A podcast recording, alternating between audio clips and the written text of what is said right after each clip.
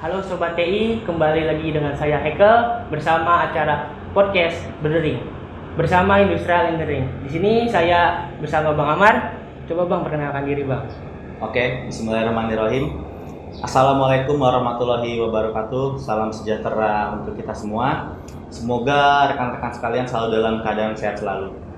Oke, izinkan saya perkenalkan diri. Nama saya Amar Fat Sutarwo. Saya angkatan 2016 dan telah lulus Alhamdulillah 4 tahun di tahun 2020. Saya dari jurusan Teknik Industri Otomotif. Eh, sejarah singkat bahwa saya pernah menjabat di HMTI Politeknik STMI Jakarta di periode pertama sebagai staf penelitian dan pengembangan dan selanjutnya di periode kedua saya menjabat sebagai ketua umum. Mungkin singkat aja ya. Bagus mantap. Bang. Nah sebelum kita melanjutkan perbincangan nih Bang ya, ada nih krikuruk nih dari program KWU. Nah krikuruk ini adalah program kerja dari Himpunan Politeknik STMI Jakarta nih Bang ya. Mungkin sekilas aja. Mungkin kita akan masuk ke perbincangan kita tentang PKL dan TA nih Bang. Oke. Kan yang kita tahu nih Bang ya, PKL itu kan pasti ada di untuk perkuliahan ini. Saya sebagai mahasiswa dan Bang Amar pernah menjabat nih, pernah sebagai mahasiswa juga nih Bang ya pasti pasti akan merasakan PKL itu kayak gimana sih bang nih pada awalnya nih bang ya pas lu mas nih kayak apa sih PKL itu bang apakah ini kayak lu pernah ngerasa kesulitan nggak sih bang dalam mencari mencari PKL itu Mencari tempat PKL gitu maksudnya. ya kurang lebih kayak gitu bang Eh, jadi sebenarnya ini sih yang harus jadi momentum buat kita gitu. Di saat memang kita sudah di depan mata akan melaksanakan PKL, maka kita harus bersiap diri gitu. Kita nggak bisa yang namanya terlalu berleha-leha. Maka sebab itu, eh, jika dari saya, baiknya itu mungkin kita mempersiapkan diri dulu nih. Kita PKL ini semisal di bulan apa gitu. Kalau waktu gua dulu, gua PKL itu di bulan Januari. Nah, itu gue mensiasatinya ya dengan ya gue coba mencari tempat PKL itu dari jauh-jauh hari gitu. Mungkin bisa sekitar ya tiga bulan atau bagusnya lagi lebih atau ya mungkin jangan sampai terlalu mepet lah sama bulan di mana kita akan melaksanakan PKL sendiri sesuai dengan kalender akademik kampus. Maka dari itu kita harus bisa make sure nih, make sure bagaimana penjadwalan kita gitu. Nah, oleh sebab itu, maka kita harus buat treatmentnya. Treatmentnya dalam artian, di saat memang kita lagi kuliah kan di saat itu, kita gimana caranya ngambil lah kesempatan dari sisi waktu itu. Waktu yang kita punya itu untuk apa? Untuk kita mencoba mencari tahu apa sih yang ingin kita dapatkan gitu perusahaannya ya. Hmm. Semisal gua dulu pernah nyoba di Aisin. Aisin itu adalah salah satu perusahaan yaitu masih di bawah naungan Astra. Jadi saat itu gue coba untuk melamar ke sana, akan tetapi saat itu ya masih belum beruntung karena masih belum dapat. Itu gue ngelamar di sekitar hamin 4 bulan lah. Itu hamin 4 bulan ya dan belum dapat.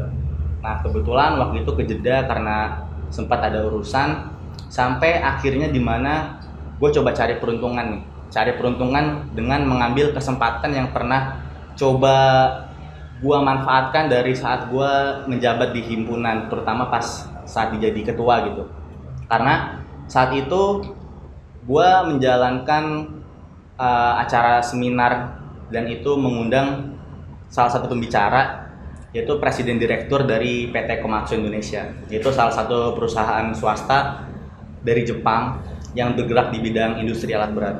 Nah, saat itu akhirnya eh, bagaimana ya? Gua bingung di nyari tempat PKL itu akhirnya gue coba untuk ah karena gue dulu pernah punya pengalaman, pernah ngadain kegiatan bareng sama PT itu, akhirnya gue cobalah untuk mengirimkan lamaran ke PT tersebut gitu. Pastinya nggak mudah, akan tetapi ya dengan niat, dengan doa dan dengan segala usaha yang kita punya, gua rasa kalau misalnya emang kita sungguh-sungguh, kita udah netepin niat kita, insya Allah sih ke depannya bakal berjalan baik. Sama kayak saat itu, alhamdulillahnya waktu itu banyak lah yang ngebantu gua gitu. Seperti dosen-dosen, ya dosen-dosen di kampus kita terutama ya. Nah itu alhamdulillahnya ngebantu gua lah untuk bisa mencapai titik di mana gua diterima di PT Komatsu Indonesia. selama enam bulan seperti itu. Mungkin kayak kita melanjutkan ya bang, kan kata lu nih bang ya, kita harus mempersiapkan ya bang. Mungkin persiapan itu kayak gimana sih yang harus diperhatikan kayak misalkan kayak apakah harus sesuai jurusan atau kayak gimana bang? Menurut lu kayak gimana bang? Uh, pasti kita bakal lebih nyaman dalam melakukan kegiatan di saat memang apa yang ingin kita raih atau yang ingin kita dapatkan itu tercapai gitu. Atau yang ada di pikiran atau yang memang sudah menjadi background dari kita. Background kita kan di industri otomotif kan? Hmm. nah pastinya sebisa mungkin ya kita mengarahnya ke sana. Walaupun tidak menutup kemungkinan kita bisa mendapatkan uh, industri-industri uh, di bidang lainnya. Tidak harus di otomotif. Akan tetapi kan memang dari kampus kita sendiri pun sudah bergerak ke arah sana dan baiknya memang ya kita mencobalah merealisasikan hal tersebut. Nah, oleh sebab itu bagi gua yang pertama harus kita persiapkan itu adalah diri kita gitu. Karena ini beda ya. Beda antara dengan dunia di saat kita di kampus ataupun dunia di saat nantinya kita memang akan terjun ke dunia PKL itu sendiri gitu. Karena pastinya banyak hal-hal baru yang nantinya bakal kita dapat akan tetapi kita belum tahu nih nanti gimana ya PSPKL nah itulah yang menjadi tantangan buat diri kita kayak gitu sih ya mungkin kalian karena kita udah punya kayak kemampuan dan kita percaya apa sih yang diperhatikan dari PKL ya. Kan yang gue dengar ya tadi nih bang ya lu juga masuk ke salah satu perusahaan PT Komatsu nih bang ya. Itu kan kayak bisa dibilang itu kayak keinginan lu juga sih bang ya dari kayak punya prospek sebelumnya dari apa acara webinar itu. Mungkin ada nggak sih bang tips agar bisa diterima PKL Komatsu atau yang seperti kita inginkan sesuai keinginan kita bang? Uh, itu memang alhamdulillahnya balik ke rezeki kita masing-masing sih ya. Di saat emang kita mencoba, belum tentu apa yang kita coba itu pasti berhasil. Nah, menurut gue baiknya itu kita menjadi pribadi yang tidak pernah menyerah sih. Jadi kita tetap coba terus karena menurut gue tidak pernah ada suatu kesempatan itu yang tertutup gitu pasti akan ada celah yang bisa kita raih dari kesempatan-kesempatan yang ada. Makanya di saat memang kita mendapat suatu penolakan, ya kita terus keep it up aja gitu. Kita terus coba cari lagi, kita coba mengasah diri kita gitu. Dan juga yang pastinya ya kita memanfaatkan lah relasi-relasi yang kita punya. Itu menurut gue salah satu hal penting ya.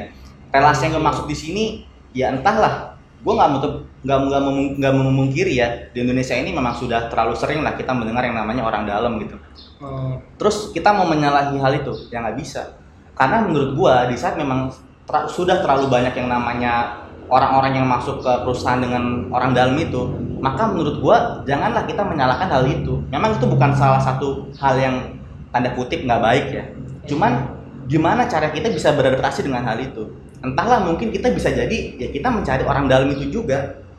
Bagaimana untuk mencarinya? Ya entah kita dengan mengikuti organisasi atau entah dengan kita dekat lah dengan dosen-dosen atau ternyata kita punya sanak saudara nih atau keluarga yang memang sudah bekerja di perusahaan tersebut. Syukur-syukur emang bergeraknya di industri otomotif. Akan tetapi kan nggak semua orang itu punya hal tersebut kan. Nggak iya, semua iya. orang punya yang namanya uh, privilege itu. Nah makanya jangan sampai kita terlalu terpaku akan hal itu. Maka dari sini ya sekarang menurut gua dunia digital atau dunia informasi udah cukup gampang lah kita raih gitu ya. Tinggal kita buka aplikasi-aplikasi yang emang sekarang itu khusus untuk mencari kerja seperti ada yang namanya Jobstreet lalu ada LinkedIn lalu ada Indeed atau hal-hal lainnya lah. Ya kita sekarang anak muda gimana cara kita harus siap lah untuk hal tersebut gitu. Jadi jangan sampai kita males dan sampai kita nyerah gitu. Gue yakin di saat emang kita mau berusaha dan di saat kita emang sudah ada niat dan diiringi dengan doa gue yakin sih apa yang ingin kita raih itu insya Allah bisa tercapai gitu. Semoga juga sih nah, tapi ada nggak sih bang pas lu pengalamannya dulu nih pada awal nyari PKL nih bang ya pernah nggak sih lu kayak ngelamar di perusahaan mana-mana aja apakah lu sekali diterima sekali ngelamar langsung diterima atau pernah ditolak dari perusahaan yang lain bang? Hmm. Kalau penolakan sih ya pasti dapat lah penolakan ya. Cuman ya itu tadi sih bagaimana respon kita terhadap penolakan itu. Apakah kita hanya berdiam diri atau kita hanya menunggu jemputan nih? Sedangkan untuk menunggu jemputan belum tentu perusahaan tahu kita. Belum tentu juga kita akan disalurkan oleh pihak kampus ataupun pihak lainnya gitu. Dan ya menurut gua sih baiknya gitu ya di saat emang kita sudah ingin mengarah ke sana ya baiknya kita coba pikirkan dulu matang-matang lah jangan sampai kita hanya bertindak gegabah gitu dalam artian ya kita hanya selalu melihatnya dari sisi-sisi yang kita kurang yakin gitu paling itu sih Oh, iya sih ya. Jadi kita harus punya kayak punya perasaan keinginan dari dari ke diri kita sendiri ya. Apakah kita bisa privilege ke tempat perusahaannya tersebut apa tidak ya bang ya? ya pasti sih ya intinya sebelum kita akan masuk ke dunia PKL kita persiapkan diri dulu kita sih yang penting entah kita persiapkan perusahaannya ya kita coba runtutin lah selama ini dari historical kita ini ada gak sih yang kira-kira tuh bisa kita manfaatkan seperti ya kalau kita anak organisasi nih kita pernah ngejalanin suatu acara dan si orang ini emang ternyata punya perusahaan atau dia punya kenalan perusahaan yang mungkin kita bisa memanfaatkan jalur-jalur itu. Mungkin ya bang ya pada awal PKL ya. Paling kan namanya juga PKL ya pasti ada orang-orang lingkungan baru, orang-orang baru. Ada nggak sih rasa canggung dari lu sendiri bang pada awal pertama kali masuk PKL itu bang?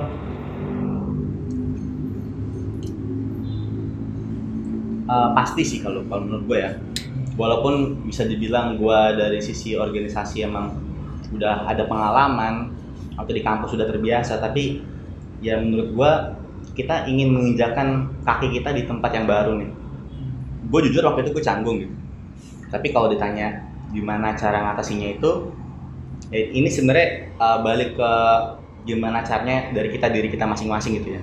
Cuman kalau gue waktu itu gimana cara ngatasinya biar nggak canggung? Ya pertama tebel muka sih kalau gue. Tebel muka dalam artian ya kita nggak perlu malu gitu. Ya intinya kalau ada yang hal yang kita nggak tahu jangan sampai kita diem aja. Kita bisa coba tanya. Atau kalau ada yang emang kita bingung ya tanya lagi gitu. Intinya menurut gua sih ya banyak lah peribahasa yang bilang malu berlari saat di jalan. Ya menurut gua tuh works kalau misalnya emang nanti kita di dunia kerja gitu atau di dunia PKL gitu. Karena kan nggak nggak semuanya itu kita bakal yang namanya langsung diarahkan gitu. Mungkin bisa aja kita langsung disuruh terjun ke lapangan. Kayak gue waktu itu gue langsung disuruh ke lapangan dan otomatis bingung kan gitu ini gue mesti ngapain gitu.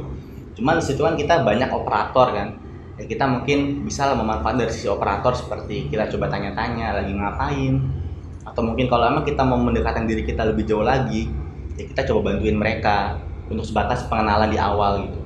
Nah nanti setelah dari situ eh, setiap harinya kita report ng- ngasih report ke atasan kita lah di tempat terkait gitu. Jangan sampai kita hanya sebatas kita ke lapangan tapi kita nggak ada report gitu. Yang ada malah jadi suatu bentuk pertanyaan nantinya dari sisi atasan kita. Karena kan atasan kita juga butuh tahu kan perkembangan kita sudah sejauh mana. Ya gitu sih. Intinya kalau untuk hari pertama canggung pasti. Cuman gimana cara ngatasin kecanggungannya itu sih kalau bagi gua ya cukup dengan tebal muka aja sih. Ibaratnya nggak perlu malu nggak perlu takut ya tetap lakuin aja yang emang udah kita rencanakan. Gitu sih. Intinya baiknya sih sebelum kita melakukan sesuatu kita bikin suatu gancar gitu atau suatu bentuk rangkaian kegiatan kita lah misal hari ini kita mau ngapain hari besok kita ngapain jadi biar nantinya itu apa yang ingin kita lakuin atau ingin aktivitas kita buat uh, selanjutnya itu nggak ada yang namanya berulang gitu karena kan kita di sini tahapnya belajar kan Belajar. Nah itu biar kita juga tetap tahu banyak hal lah nanti di dunia PKL itu. Jadi kalau emang kita nggak bikin uh, daily activity kayak gitu, takutnya ntar kitanya lupa kan. Ntar malah kita ke sini lagi ke sini lagi gitu. Menurut gue sih kurang bagus sih kalau kayak gitu. Karena untuk kita tahu suatu permasalahan nanti di PKL, menurut gue kita harus tahu dulu gambaran umumnya itu di suatu bentuk ruang, ruang lingkup itu gitu. Itu mungkin ya bang kayak pertama kali PKL kan sih canggung ya terus kata lu juga bilang kalau kita kayak terjun langsung ke lapangan kayak membantu operator gitu mungkin apa sih PKL itu pertama kali dilakukan tuh kayak kayak contoh kasusnya kayak kita ngapain di dalam PKL itu? Apakah kita langsung terjun bekerja langsung? Apakah kita membantu operator itu baru bilang ke atasan? Atau kita dapat dari atasan dapat job dari atasan? Atau kayak gimana? Nah, biasanya kalau dari atasan itu eh, cuman sebatas ngasih suatu bentuk arahan doang. Arahan doang biasanya sih dia ngasih kayak perintah gitu sih dari atasan ngasih perintah mungkin ke operator atau ke foreman atau supervisor itu untuk ngarahin kita. Hmm. untuk biar kita tahu nih sepertinya seperti alur proses produksinya gimana. Lalu seperti struktur organisasi di tempat kita gimana kayak gitu. Jadi hanya sebatas de- deskripsi singkat. Selebihnya sih waktu itu gua pas PKL itu ya dilepas. Ada namanya gemba. Jadi gemba itu kalau dari sisi bahasa Jepang tuh mirip kayak ya kita mengamati di lapangan lah gitu ya kita studi di lapangan aja kita belajar coba mengamati di lapangan kira-kira dari analisa kita dari ilmu-ilmu yang udah pernah kita dapat di kampus itu kita bisa gak sih ngebayangin gitu oh ternyata di arah sini nih terjadi banyak hal minor nih terjadi banyak kerusakan atau terjadi banyak kerugian. Mungkin kita bisa jadi catatan kan buat kita oh ini penyebabnya apa ya? Oh mungkin kalau untuk hari ini cukup sampai sini dulu deh ini gue catat dulu nih permasalahan yang hari ini baru besok gue lanjutin di hari selanjutnya. Jadi sebisa mungkin setiap harinya itu apa yang kita kerjain itu meningkat gitu. Nggak statis tapi dinamis. Kayak gitu sih. Berarti kalau berhubungan ke catatan, apakah PKL ini berhubungan sama judul TA yang akan kita bawa buat skripsi nanti, Bang? Eh, bisa dibilang kayak gitu sih. Tapi kita nggak boleh terpaku sama hal itu. Nah terkadang mungkin di kita ini banyak lah yang masih terpaku dengan bahwasanya dari apa yang udah kita dapat di PKL itu harus sama dengan apa yang kita lakuin di TA gitu. Mungkin baiknya emang berkesinambungan karena kita pun mau mengerjakan tugas akhir pasti kita menyesuaikan dengan data-data yang kita punya di PKL tapi kan kita harus paham dulu bahwa yang kita kerjakan ini ada dua kan. Yang pertama ada laporan PKL dan yang kedua ini ada tugas akhir atau skripsi ini sendiri kan. Bukan dalam artian apa yang kita kerja di lapo- laporan PKL ini harus sinkron dengan apa yang nantinya ingin kita kerjakan di skripsi. Gitu. Ini gua ngasih catatan ini nggak harus ya karena gua pun jujur aja gua nggak nggak ibaratnya selaras gitu. Akan tetapi sebisa mungkin kita bisa nyari objek yang lebih luas lah di pikiran kita. Karena kan permasalahan di lapangan itu banyak kan. Mungkin kalau untuk di PKL kita boleh untuk tidak terlalu dalam dalam sisi analisa atau untuk mengimprovisasinya. Karena hanya sebatas kita ini di sini membuat laporan apa sih yang kita lakuin di PKL itu? Apa sih yang kita tahu tentang perusahaan itu? Dia ngeproduksi apa aja? Kayak gitu sih. Mungkin hanya sebatas gambaran-gambaran singkat. Dan untuk masalah yang kita dapat di PKL pun ya nggak perlu untuk terlalu dalam untuk kita lakuin improvisasi. Nah ini bisa jadi kesempatan kita nih untuk ngelakuin improvisasinya itu nanti di skripsi itu kita di skripsi kita sendiri itu. Nah makanya menurut gua sebelum kita nentuin ibaratnya PKL sama TA ini laporan PKL atau skripsinya ini kita pertama tentuin dulu dari diri kita. Kita mau gimana? Kita mau selaras gak atau kita emang mau agak berbeda nih? Gitu. Nggak ada yang salah dengan keduanya Berarti kan kalau kalau skripsi itu kan sih ada data ya, kan datanya bukannya berhubungan sama PKL-nya juga sih, Bang. Mungkin kalau cara nyari datanya itu apa apabila nih, Bang, kalau tidak selaras, itu cara nyari kayak gimana, Bang?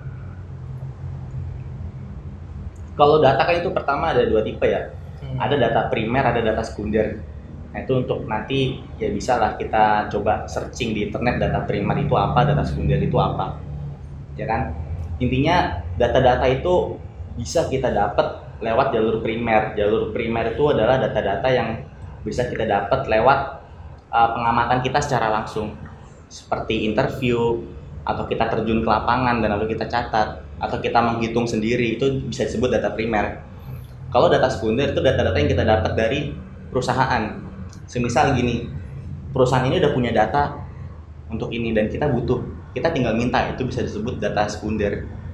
Jadi data yang sudah dimiliki oleh perusahaan. Nah, untuk data-data itu sendiri, kita harus menyesuaikan dulu nih. Makanya sebelum kita nentuin laporan PKL judulnya apa, skripsi judulnya apa, kita harus banyak membaca dulu misal kita mau ngambil tentang PPIC arahnya ke sana nah untuk kita bisa ngelakuin uh, terkait PPIC ini kita tuh butuh data apa aja yang bisa buat kita nanti olah gitu jadi kita kumpulin data dulu yang emang sesuai kita bisa baca lah literasi-literasi sekarang banyak ya. Entah bisa dari jurnal atau dari referensi-referensi skripsi atau tugas akhir yang dari senior-senior kita punya kita minta. Ya cuman saran gua nggak bagus lah kalau kita mau kopas gitu. Itu hanya sebatas kita jadikan referensi aja. Dan kita nggak terlalu yang namanya buta-buta banget gitu. Nah kayak gitu. Jadi nanti kita lihat dari situ oh ternyata kalau misalnya kita mau uh, apa namanya misalnya kita mau coba buat laporan PKL atau tugas akhir yang emang arahnya ke PPIC oh ternyata data yang dibutuhin ini ini ini ini. Jadi kita catat tuh. Setelah kita catat baru besoknya kita coba di lapangan nih gimana. Entah kita mau coba pakai data primer atau data sekunder. Kalau data primer yang tadi gue bilang itu oh berarti kita coba dulu nih. Kita hitung misalnya dalam satu hari kalau misalnya tentang PPS kan lebih banyak ke bagian produksinya kan. Misalnya satu hari ini dia ngeproduksi berapa nih misalnya seribu item kayak gitu. Atau ternyata dari perusahaan pun punya data sekunder. Boleh kita minta tapi baik kita pastikan dulu oh ternyata di lapangan emang hasilnya pun segini gitu. Kayak gitu sih. Jadi ya menurut gua baiknya tuh di compare lah antara data primer dan sekunder biar lebih bagus. Iya, itu berarti kayak berbicara data masih bisa dicari di internet juga ya untuk bisa berimprovisasi juga buat digabungin apa kayak gimana bang? Kalau data kita nggak boleh main-main sih, karena hmm. banyak perusahaan yang kayak gini. Di tugas akhir kita nggak boleh mencantumkan nama perusahaannya gitu, karena data-data ini kan pasti data-data konfidensial rata-rata. Data konfidensial itu ya data-data yang nggak boleh emang disebarluaskan karena emang itu data khusus yang dimiliki oleh perusahaan kayak gitu. Nah jadi ya kita nggak boleh lah kan yang namanya memanipulasi data gitu. Ya kita pertama tetap observasi dulu di lapangan. Dari observasi itu kita belajar yang namanya ada studi pustaka. Nah studi pustaka ini penting banget menurut gua. Kenapa penting? Karena dari studi pustaka ini kita mendapatkan banyak bacaan, banyak pengetahuan.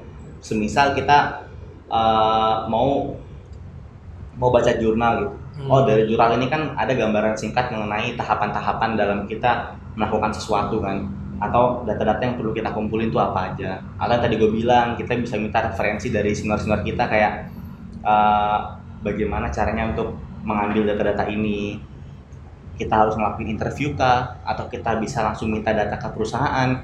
Atau emang kita langsung ngamatin? Yaitu banyak tipe kayak gitu. Ya mungkin kalau dari dari itu kayak gitu dulu kali ya. mungkin kalau dari tentang ini deskripsi ya bang ya. Atau tugas akhirnya bang ya ada nggak sih tanggapan dari lo contoh kasusnya? Misalkan gini gua apa bikin bikin judul A nih bang ya. Judul ini tapi dari dosen pembimbing itu nggak ACC mungkin dari tanggapan ya tentang dosen pembimbing yang galak itu harusnya kayak gimana bang? Tanggapan buat diri kita sendiri agar kita itu bisa menyelaraskan tugas akhir ini sampai selesai bang. Intinya sih gini ya gue percaya lah setiap dosen pembimbing itu nggak ada yang mau anaknya itu terjerumus gitu. Hmm. gue yakin semisal emang dosen pembimbing kita mengarahkan kita untuk mengganti judul atau mengganti metode ya kita pertama harus lihat dulu nih emang yang kita kerjain udah sesuai ya kita introspeksi diri kita dulu lah gitu.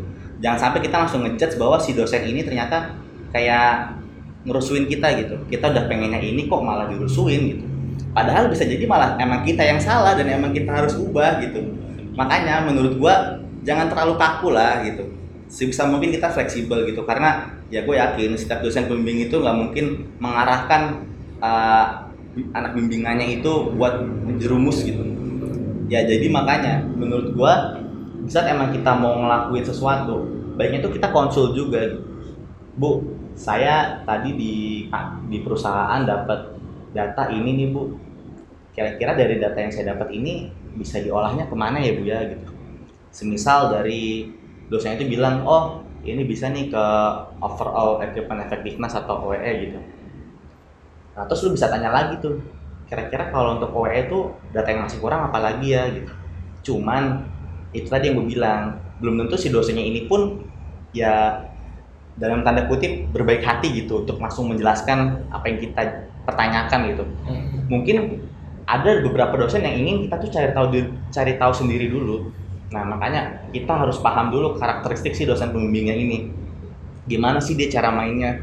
Untuk tahu gimana cara dia mainnya kan kita bisa tanya ke senior-senior kita yang emang udah pernah dibimbing sama dosen tersebut. Dia karakteristiknya gimana? Cara kerjanya gimana? Kayak gitu. Intinya jangan sampai kita ini malah terlalu mengikuti arus dari, dari si dosen pembimbingnya ini. Gitu. Kita juga harus punya arus gimana caranya si dosen pembimbing ini ya bisa mengikuti arus yang kita mau kayak gitu caranya gimana? Itu tadi harus dengan komunikasi yang baik harus dengan cara berpikir yang relevan juga. Jangan sampai kita terlalu egois juga. Kayak gitu. Itu menurut gua kurang bagus sih. Jadi intinya kalau untuk pertanyaan tentang dosen pembimbing yang mungkin galak atau gimana itu wajar lah. Karena menurut gua itu malah semisal dosen pembimbing kita galak pun itu bentuk pembelajaran buat kita ambil sisi positifnya aja jangan terlalu kita lihat sisi negatifnya kayak mempersulit kita atau gimana. Ya nantinya pun di saat emang kita terjun ke dunia kerja kita salah dan kita domelin ya masa kita mau marah-marah? Nggak bisa kan?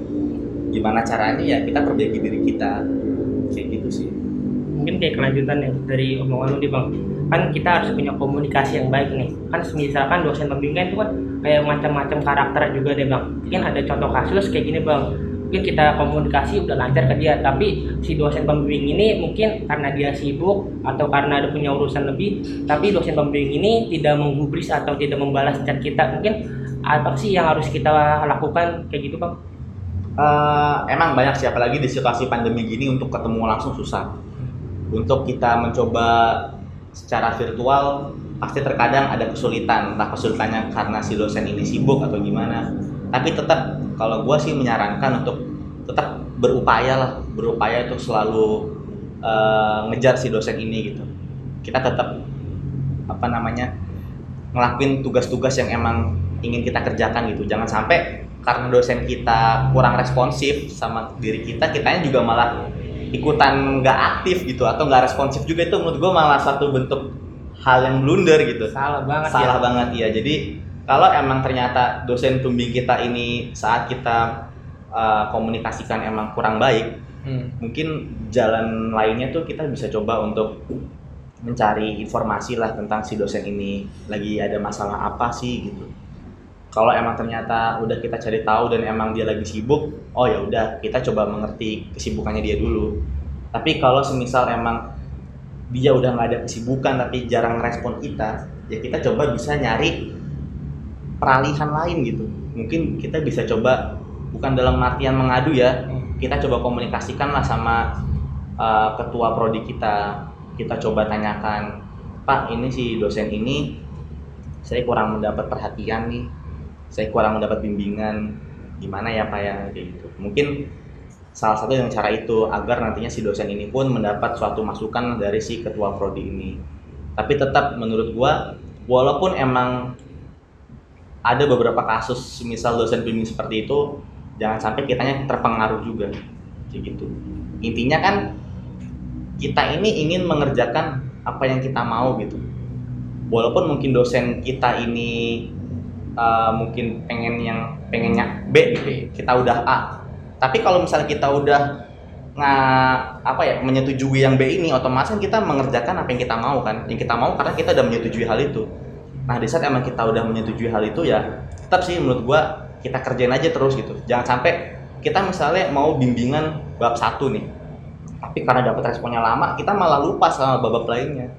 Padahal kita bisa memanfaatkan waktu di saat emang dosen kita lagi sibuk atau emang nggak ada waktu buat kita responsi atau buat kita coba diskusi ya udah kita manfaatin waktu itu ya buat kerjain bab lainnya. Jangan sampai kita mandek gitu.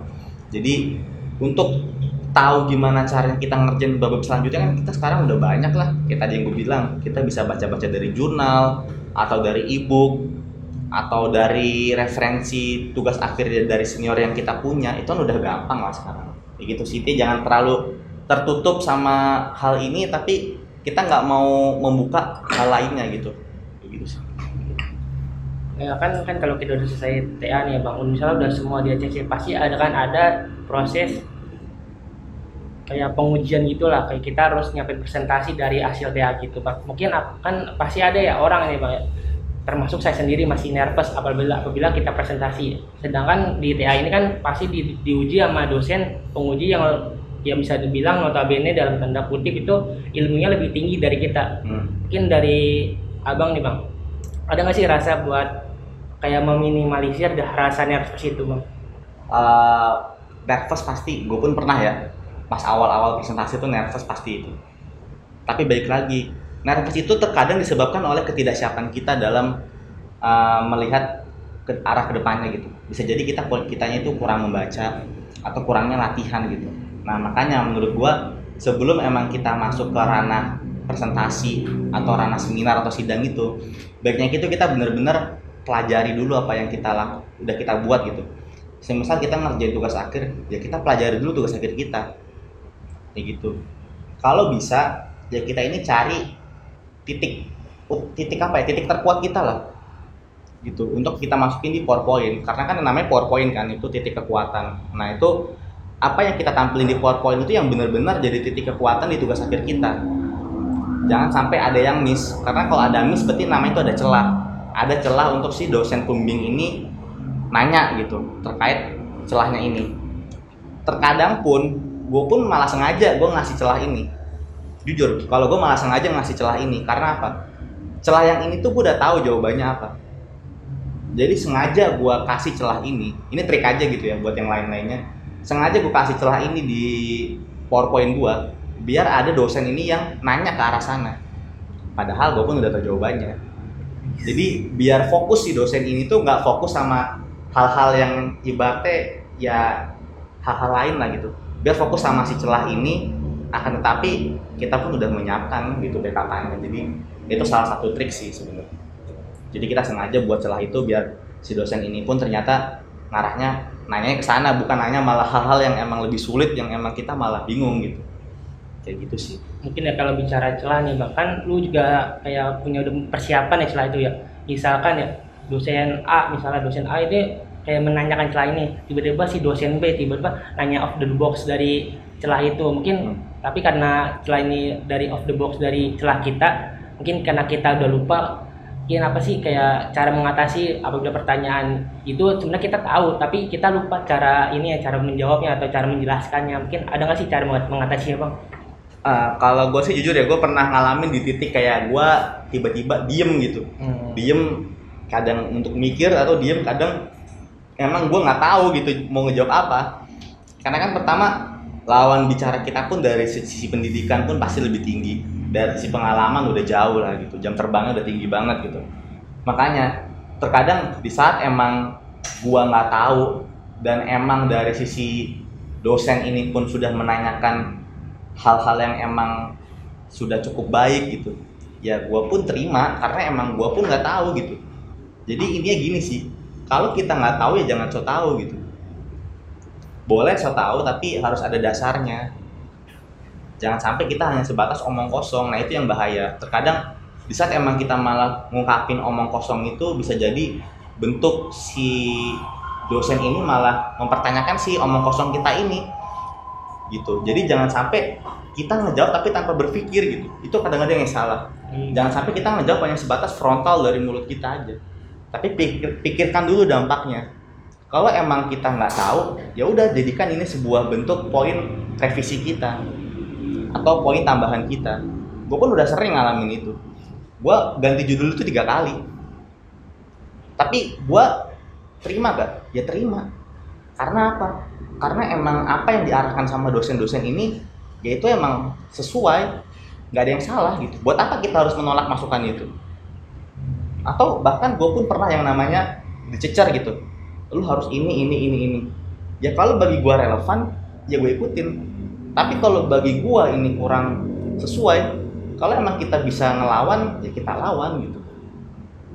Kita ini kan calon sarjana kan di saat iya. itu ya kita kalau mau jadi calon sarjana ini ya kita pikirin dulu lah ntar kita setelah jadi sarjana gitu.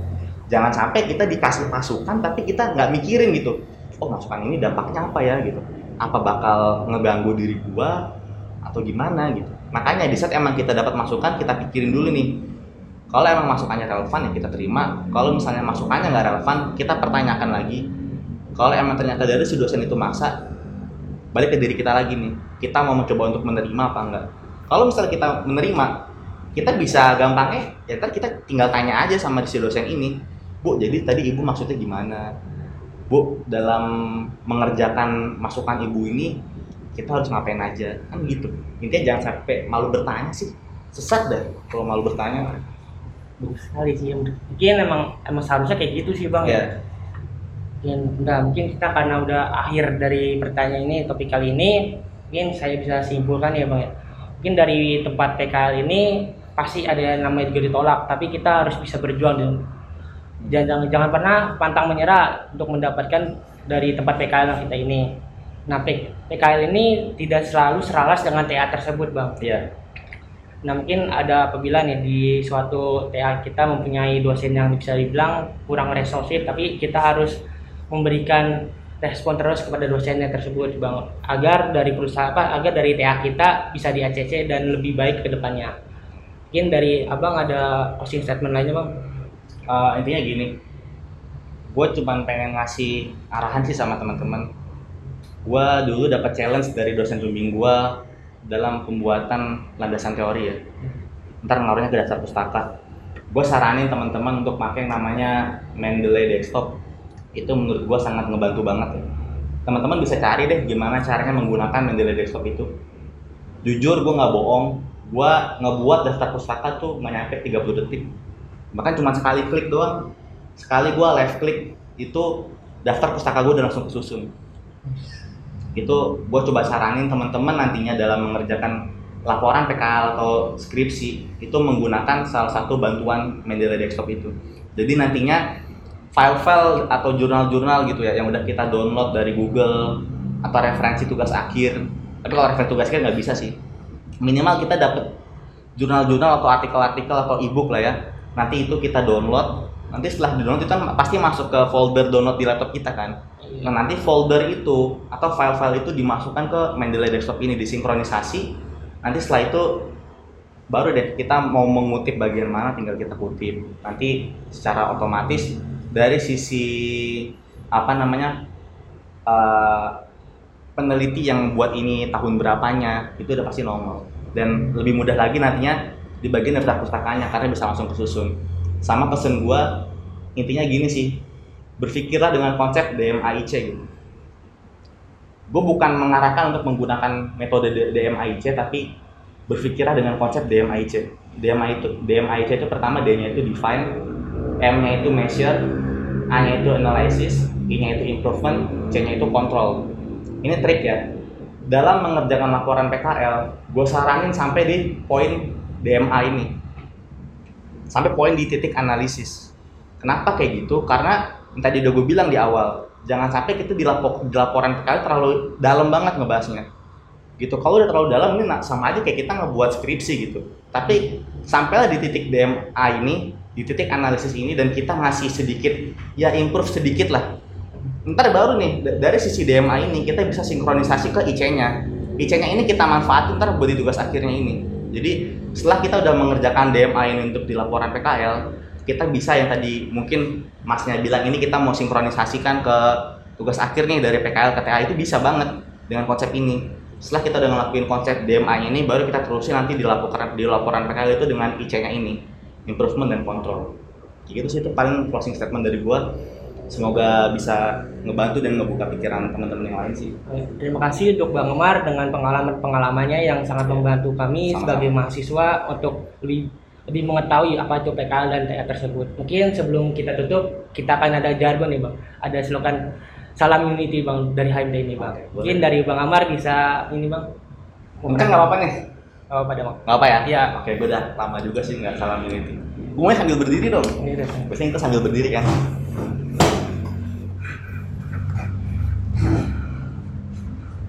Bismillahirrahmanirrahim. Salam hangat dan salam cinta dari saya. Salam unity! Salam unity.